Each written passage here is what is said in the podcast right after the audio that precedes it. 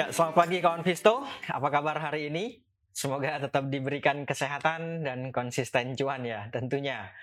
Baik, kita jumpa lagi di pagi ini tanggal 22 Februari. Masih dalam suasana yang mendung. Oh ya, dan sekedar informasi bahwa hari ini kita live di dua di dua platform. Yang pertama adalah Instagram dan yang kedua adalah Telegram uh, tayang perdana di Telegram secara live.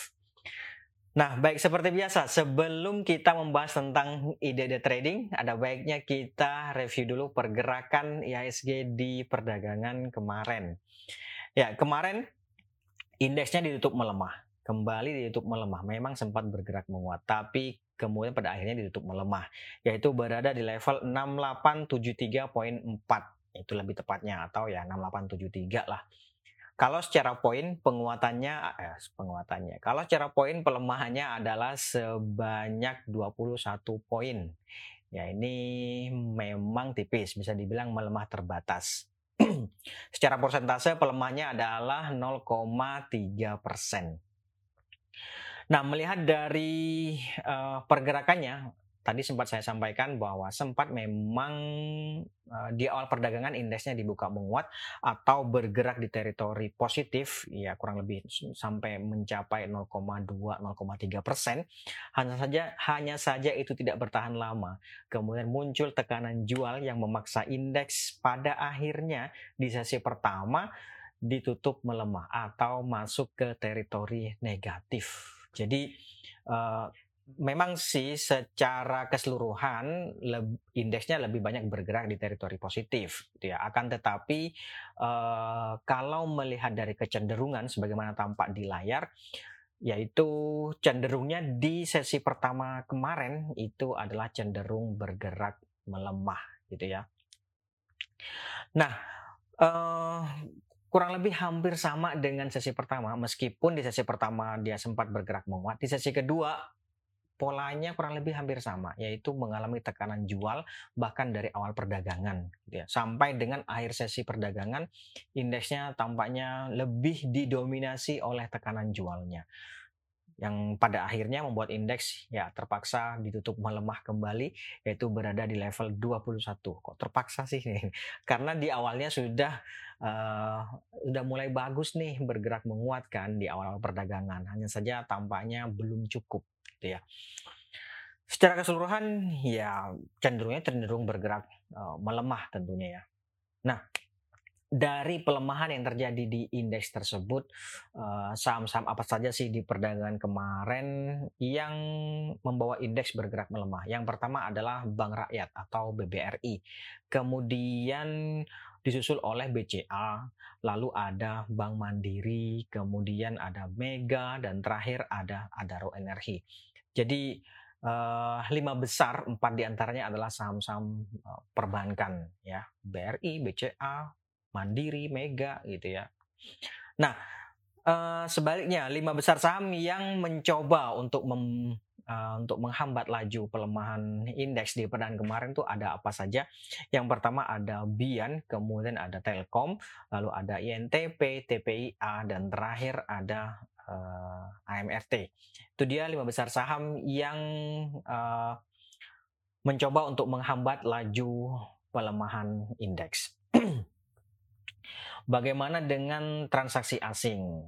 Ya, sebelum kita membahas bagaimana indeksnya, uh, nanti kita kita bahas dulu, kita kita review dulu uh, pergerakan atau transaksi asing.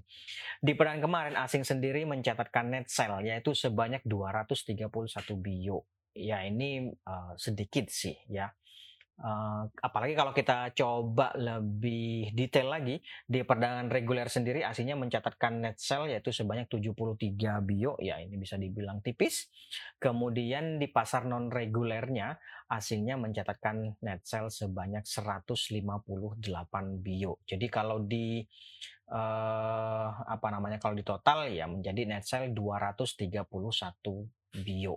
Itu untuk uh, net sell asing Nah, dari net sell asing yang terjadi di kita bicaranya di pasar reguler saja ya. Dari net sell asing yang terjadi di pasar reguler yang hanya 73 bio itu relatif tipis ya. saham-saham apa saja sih di perdaan kemarin yang banyak dijual oleh asing? Ya, lima besar saham yang paling banyak dijual oleh asing di perdaan kemarin yang pertama ada BTPS ya BTPS uh, menduduki ranking pertama yang paling banyak dijual oleh asing. Kemudian disusul oleh Antam, lalu ada HMSP, kemudian ada ESA, dan terakhir ada uh, Bumi. Itu dia lima besar saham yang paling banyak dijual oleh asing. Termasuk juga di antaranya ada uh, Goto sih ya, BCA, Goto, kemudian ASII, tapi itu masuknya ke 10 besar. Ya, kalau lima besarnya ya sebagaimana tampak di layar yaitu ada BTPS, Antam, kemudian ada HMSP dan uh, ESA Bumi. Nah, sebaliknya, lima besar saham yang paling banyak dibeli oleh asing di perdaan kemarin. Yang pertama ada Telkom, kemudian disusul oleh Merdeka Copper Gold atau MDKA. Kemudian ada BNI, ada BRI, dan terakhir ada BRPT. Itu dia lima besar saham yang paling banyak dibeli oleh asing. Uh, termasuk juga ada Inco dan uh, Mandiri juga termasuk salah satu ya. Kemudian ada MAPI, tapi masuknya ke 10 besar kalau yang itu. Kalau yang lima besarnya sebagaimana tampak di layar juga, yaitu ada Telkom, MDKA, BNI, BRI, dan eh, BRPT. Jadi uh, tiga bank besar banyak beli, banyak dibeli oleh asing, BNI, BRI, Mandiri. Tapi satunya nyeleneh yaitu BCA dia malah justru banyak dijual oleh asing di perdana kemarin ya. Meskipun masuknya ke 10 besar bukan ke lima besarnya. Baik. Saya pikir itu untuk transaksi asing. Bagaimana dengan outlook hari ini? Nah, ini pasti banyak yang uh, gimana sih hari ini? Karena ya mungkin sebagian sudah pada tahu bahwa indeks globalnya uh, membara di atas 2% semua ya. Benar nggak? Sebentar, saya saya intip dulu. Ya, 2% semua. Dow Jones minus 2%, kemudian S&P minus 2%. Nasdaq 2,5% bahkan. Ya, kalau melihat ini tentu ada potensi terjadi panic selling. Sebenarnya kenapa sih uh, banyak juga yang nanya ada apa sih, ada apa sih, ada apa sih gitu ya. Sebenarnya tidak ada berita baru uh, berkenaan dengan uh, uh, uh, memerahnya atau turun tajamnya indeks global yaitu masih seputar suku bunga yang lebih tinggi dan itu diperkirakan uh, masih akan berlangsung lama. Nah, itu. Jadi masih kekhawatiran suku bunga yang naiknya lebih tinggi dan diperkirakan lebih lama itu diperkirakan lebih lama sehingga pada ujung-ujungnya kan uh, ya resesi lagi lagi-lagi resesi. Masih seputar itu ininya apa namanya uh, beritanya. Jadi belum ada belum ada kejutan-kejutan yang lain. Tetapi ya itu pun berdampak gitu ya. Oke itu dia untuk uh, bagaimana dengan di gimana ya. Kalau di kita melihat pergerakan di perdaan kemarin. Sebenarnya memang sih kan sempat di, uh, uh, apa namanya dibuka menguat sebagaimana tadi saya sampaikan, tetapi kemudian mengalami tekanan jual yang cukup tinggi, ya, yang praktis melanjutkan pelemahan yang terjadi selama sepekan terakhir, sebagaimana tampak di sinilah. Ini kan, uh, bentar, nih, ini kan udah sepekan nih, ya nggak, udah lima hari nih mengalami tekanan jual. Masih mencoba juga untuk bertahan di atas 10. Ya enggak? Jadi ini bisa menunjukkan konsolidasi. Tahan di atas EMA 50 ini, ini sebenarnya memberikan peluang untuk bergerak rebound. Gitu ya. Hanya saja kalau melihat jual dan juga death cross yang terjadi di MACD yang ada di sini nih, ini akan berpotensi atau menghambat laju penguatan sehingga dapat kembali bergerak melemah ya. Jadi hari ini sih diperkirakan akan kembali bergerak fluktuatif kecenderungannya melemah terbatas tetapi bisa saja coba aja diperhatikan nanti ya di setengah jam pertama lah paling tidak ada potensi karena kan uh, indeks globalnya ternyata uh, indeks globalnya melemah cukup tajam ada potensi untuk terjadi panic selling Nah, kalau terjadi panic selling biasanya itu akan berlangsung ya selama setengah jam, satu jam pertama, kemudian setelah itu akan ada peluang untuk bergerak. Ya, biasanya sih mulai sadar nih, sudah mulai cool down gitu ya ininya, eee, pergerakannya. Nah, udah mulai realistis gitu-gitu. Nanti ya terus bagaimana nanti coba lihat gerakan nya atau market meresponnya seperti apa gitu. Tapi yang paling benar pokoknya market lah yang paling benar gitu ya. Tapi memang ada ada potensi untuk terjadi panic selling. Was, waspadai aja. Maksudnya gini, kalau misalnya terjadi panic selling terus kemudian ada peluang rebound, ya nggak ada salahnya juga kita ikutan uh, masuk. Tetapi karena kondisinya memang tidak memungkinkan untuk uh, simpan lama-lama, ya nggak usah lama-lama. Mainnya deket-deket aja, nggak usah jauh-jauh gitu ya. Baik, saya pikir itu uh, apa namanya untuk IHSG-nya. Nah, sekarang kita ke ide trading. Barangkali ada yang punya ide trading, baik yang ada di Telegram maupun yang ada di Instagram, ya boleh di spill atau boleh disampaikan. Oke. Yang pertama, ide trading yang pertama, bentar, saya lihat dulu. Yang pertama ada hmm, Antam, Antam lagi. Oke. Yang pertama Antam ya. Nah, ini dia Antam. Ya, Antam di perdaan kemarin uh, ditutup bertahan sih. Dia sempat mengalami open gap. Makanya kalau terjadi open gap, mending tunggu di bawah saja, gitu ya. Uh, jadi sebenarnya meskipun dia ditutup bertahan, tampaknya kan lebih didominasi oleh tekanan jual. Benar nggak? Karena ya open gap tadi, open gap sempat dia bergerak menguat terus kemudian mengalami tekanan kayak gitu. Tetapi menariknya adalah bullish crossover yang terjadi di ini kawan. Ini yang cukup menarik. Terus kemudian juga dia memang ditutup tahan gitu ya. Uh, di di di mana di 2080. Tetapi itu juga setidaknya bisa dibilang uh, mencoba bertahan juga di atas MA 200 yang ada di sini nih. Oleh karena itu saya pikir ini cukup menarik, ini bisa saja sih spekulatif buy. Tapi ya kalau jadi ada dua strategi. Kalau melihat ini, ini bisa saja spekulatif buy yaitu di 2040 sampai 2080 oke okay lah. Tapi kalau mau mengantisipasi terjadinya panic selling, boleh juga buy on weakness. Boleh di level psikologis 2000 sampai 2040 misalnya, itu boleh-boleh juga gitu ya. Nanti TP-nya di berapa? Kalau dapat harga di katakanlah di berapa? Di bahkan dapat harga 2080 sekalipun menurut saya sih 2140 sudah bisa sih dipertimbangkan untuk take profit terlebih dahulu. Gitu ya. Makanya pokoknya kalau kondisinya seperti ini mainnya nggak usah jauh-jauh dulu. Cuan bungkus, cuan bungkus kayak gitu. 2180 di atasnya sih memang uh, 2180. 2140 di atasnya ada 2190. Di level-level itu saya pikir uh, bisa dipertimbangkan untuk amankan keuntungan terlebih dahulu. Gitu ya. Nanti uh, apa namanya stop lossnya di kalau stop loss kalau dapat harga di 2000 berapa? 2080. Ya, kalau dapat harga di 2080 saya pikir di bawah 2000 itu uh, bisa sih dipertimbangkan untuk amankan modal terlebih dahulu atau ya di bawah 2040 juga boleh sih. Jadi misalnya nih, kan tadi kan uh, spekulatif buy antara 2040 sampai 2080. Ternyata kita misalnya dapat harga di 2004, 2080. Terus kemudian ternyata berbalik turun. Nah, di bawah 2040 boleh dipertimbangkan untuk amankan modal. Nanti bottom fishing lagi di uh, 2000 gitu. Jadi barangnya nggak hilang yang di 2080 itu. Harus dicatat sih memang. Gitu ya. Itu untuk uh, Antam, kemudian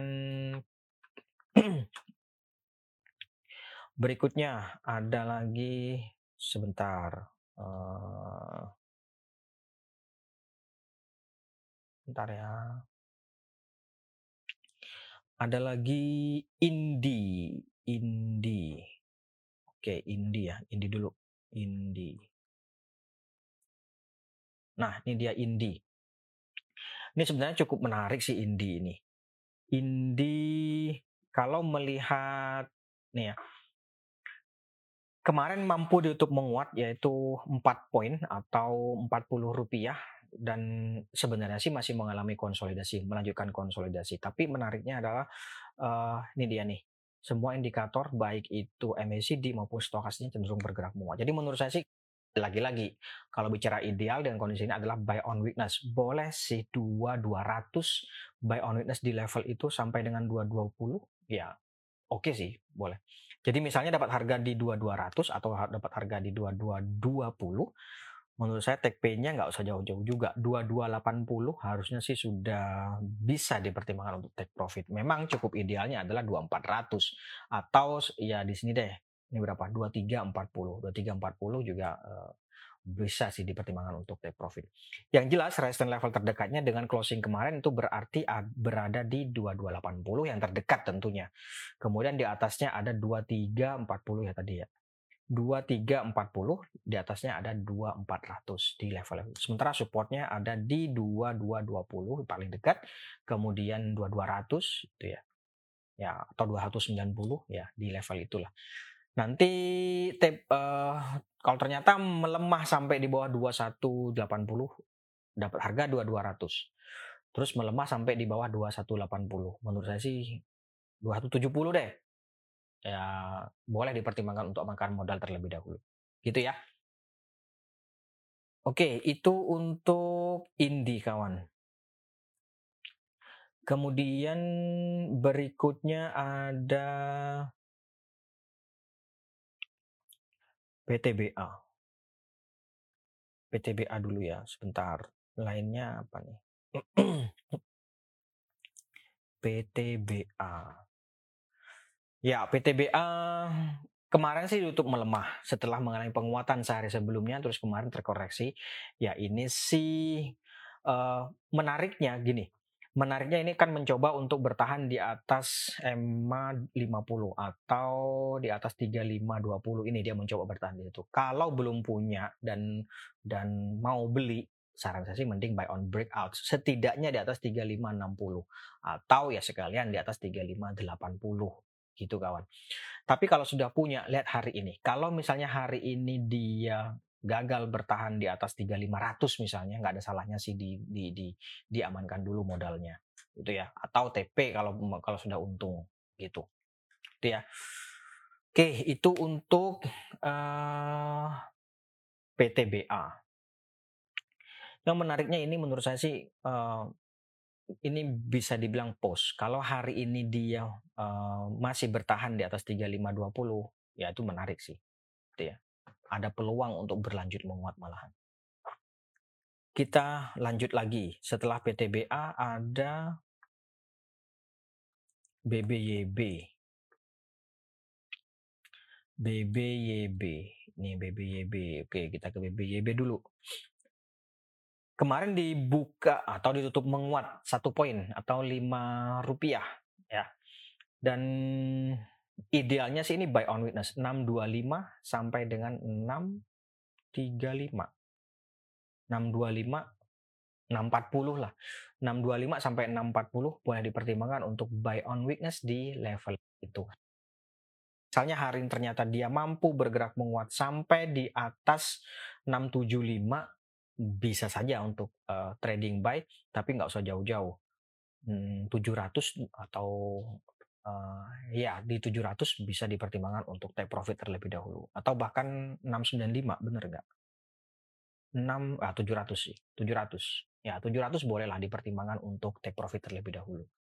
Kalau dapatnya harga di atas 675 gitu ya. Cuman idealnya sih memang kalau bicara ideal adalah buy on weakness gitu kawan. Oke itu untuk BBYB Kemudian kita lanjut. Ada buka lapak. Ya, buka lapak ini kemarin dia mampu ditutup menguat dan sebenarnya sih penguatan ini praktis menghentikan laju pelemahan yang terjadi selama berapa? 1 2 3 4 5 sepekan terakhir. Ya, bisa dibilang sepekan terakhir lah atau kalau secara kecenderungan ya lebih dari sepekan terakhir. Nah, ini sih memberikan peluang untuk bergerak rebound gitu ya. Uh, hanya saja kok ada hanya sajanya. Hanya saja kan karena marketnya diantisipasi uh, diperkirakan akan terjadi goncangan atau setidaknya ya panic selling tadi itu, maka boleh juga ini buy on weakness di 264 paling dekat ya 264 atau di bawahnya ya 260 itu sih uh, support terdekatnya. Kalau mau bicara ideal maka ini idealnya adalah tentu belinya di sini kawan. 252 sampai 260 itu yang uh, uh, idealnya sih situ. Tapi misalnya hari ini ternyata dia masih mampu bertahan di atas 260 menurut saya sih juga nggak ada salahnya sih untuk uh, uh, ikutan gitu ya atau ternyata malah menguat. Ya kalau misalnya harga mampu bergerak menguat sampai di atas 272, nggak ada salahnya juga untuk ikutan uh, apa namanya spekulatif buy atau trading buy. Nanti targetnya di sini kawan. Nih, 278. Cukup nggak? Kalau nggak cukup bisa sih dinaikin di sini nih. Kalau belum cukup 282 lah. Ya, 278, 282 di level-level itu boleh sih. Ini cukup menarik, stokastiknya kan cukup menarik nih. Ini sudah terjadi golden cross, bener nggak? Tuh, sudah terjadi golden cross ininya, uh, stokastiknya. Jadi cukup menarik memang. Gitu ya. Oke, itu untuk buka. Kemudian ada ada lagi Medco. Medco. Nah, ini dia untuk uh, Medco ya. Medco ini ya kemarin sih mampu ditutup menguat memang tipis ya hanya satu poin. Uh, apakah ini juga menghentikan laju pelemahan? Ya benar juga sih kalau menghentikan laju uh, pelemahan ya. Setidaknya pelemahannya terhambat. Tapi kalau bicara ideal maka ini tetap sama yaitu buy on weakness. Buy on weaknessnya bisa di bisa dipertimbangkan di ya paling dekat sih 1045 buy on weaknessnya di level-level itu gitu ya. Atau ya di sini sih ini berapa nih 980 990 ya itu cukup ideal. Ini ideal sih kalau di sini. Atau begini deh buy on witness 1040 boleh juga sampai 1050 lah uh, boleh. Nanti TP-nya di 1100 sampai dengan 1130 uh, di level-level itu. Itu yang terdekat sih di di di situ kawan. Atau misalnya hari ini harga ternyata oke okay, awal-awalnya melemah misalnya terus kemudian kita belum sempat ikutan ternyata malah naik antisipasinya kan panik selling nih kita nggak berani ikut ternyata malah kemudian malah naik. Misalnya harga menguat sampai di atas berapa? 1080 hmm, di atas 1080 ya trading buy boleh sih tapi sekali lagi nggak usah jauh-jauh gitu ya. Kalau dapat harga di katakanlah di atas 1080 1085 1090 misalnya saya pikir 1130 pun udah amankan keuntungan dulu lah pokoknya. Pokoknya kalau cuan untung cuan bungkus gitu ya. Memang sih cukup idealnya TP-nya di sini. Ya nggak sih? 1160 di sini nih kawan. Atau ya kalau mau nunggu uh, uh, stokastiknya ya boleh saja sih stokastik nyampe di overbought gitu misalnya. Ya itu oke saja. Misalnya begini, misalnya hari ini dia mampu bergerak menguat sampai di atas 1110, 1130, atau ya di situ saya pikir sih stokasnya kan ada peluang ada uh, kelihatan bullish crossovernya kelihatan gitu ya. Kalau ini kan masih samar-samar nih. Ya enggak, ini masih bisa dibilang indikasi lah gitu ya. Oke. Itu untuk um, Medco. Kemudian lanjut lagi kita. Ada ADMR. ADMR ya. Oke, ADMR. ADMR. Nah, ini dia ADMR. Ya, di perdaan kemarin ADMR dia ditutup melemah. Melemahnya 4 poin sih. Ya, cukup dalam. Ya cukup nggak sedikit sih, tapi juga nggak banyak sih. Nggak cukup nggak cukup dalam juga sih yang nggak di. 4 poin atau 20 rupiah ADMR ini bisa saja sih sebenarnya ini buy on weakness yaitu di 14 atau 1400 14.05 juga boleh lah. Tapi menurut saya sih akan lebih wise kalau misalnya kita nunggu muncul dorongan belinya. Taunya dari mana? Intinya begini, kalau mau tahu muncul dorongan belinya, kalau harga mampu bergerak menguat sampai di atas 14.40, nah itu boleh ikutan. Jadi buy on breakout itu biasanya sih mengindikasikan uh, apa namanya muncul dorongan beli yang mencoba untuk melawan tekanan jualnya kayak gitu ya jadi buy on breakout di atas 1440, kalau harga mampu di atas itu boleh ikutan. Uh, nanti TP-nya di paling dekat sih 1470, cukup nggak? Harusnya cukup ya. Dapat katakanlah dapat harga di 1445. Terus kemudian kita jualnya di 1470. Berarti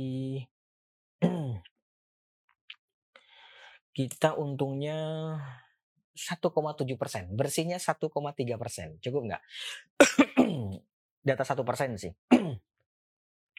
Kalau itu dinilai layak, ya boleh dipertimbangkan gitu. Yang jelas resisten terdekatnya itu ada di sini nih.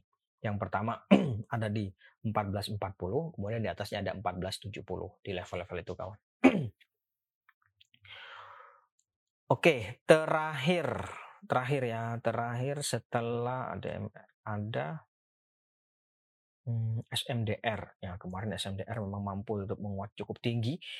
Nah, ini boleh sih trading buy, ini oke okay.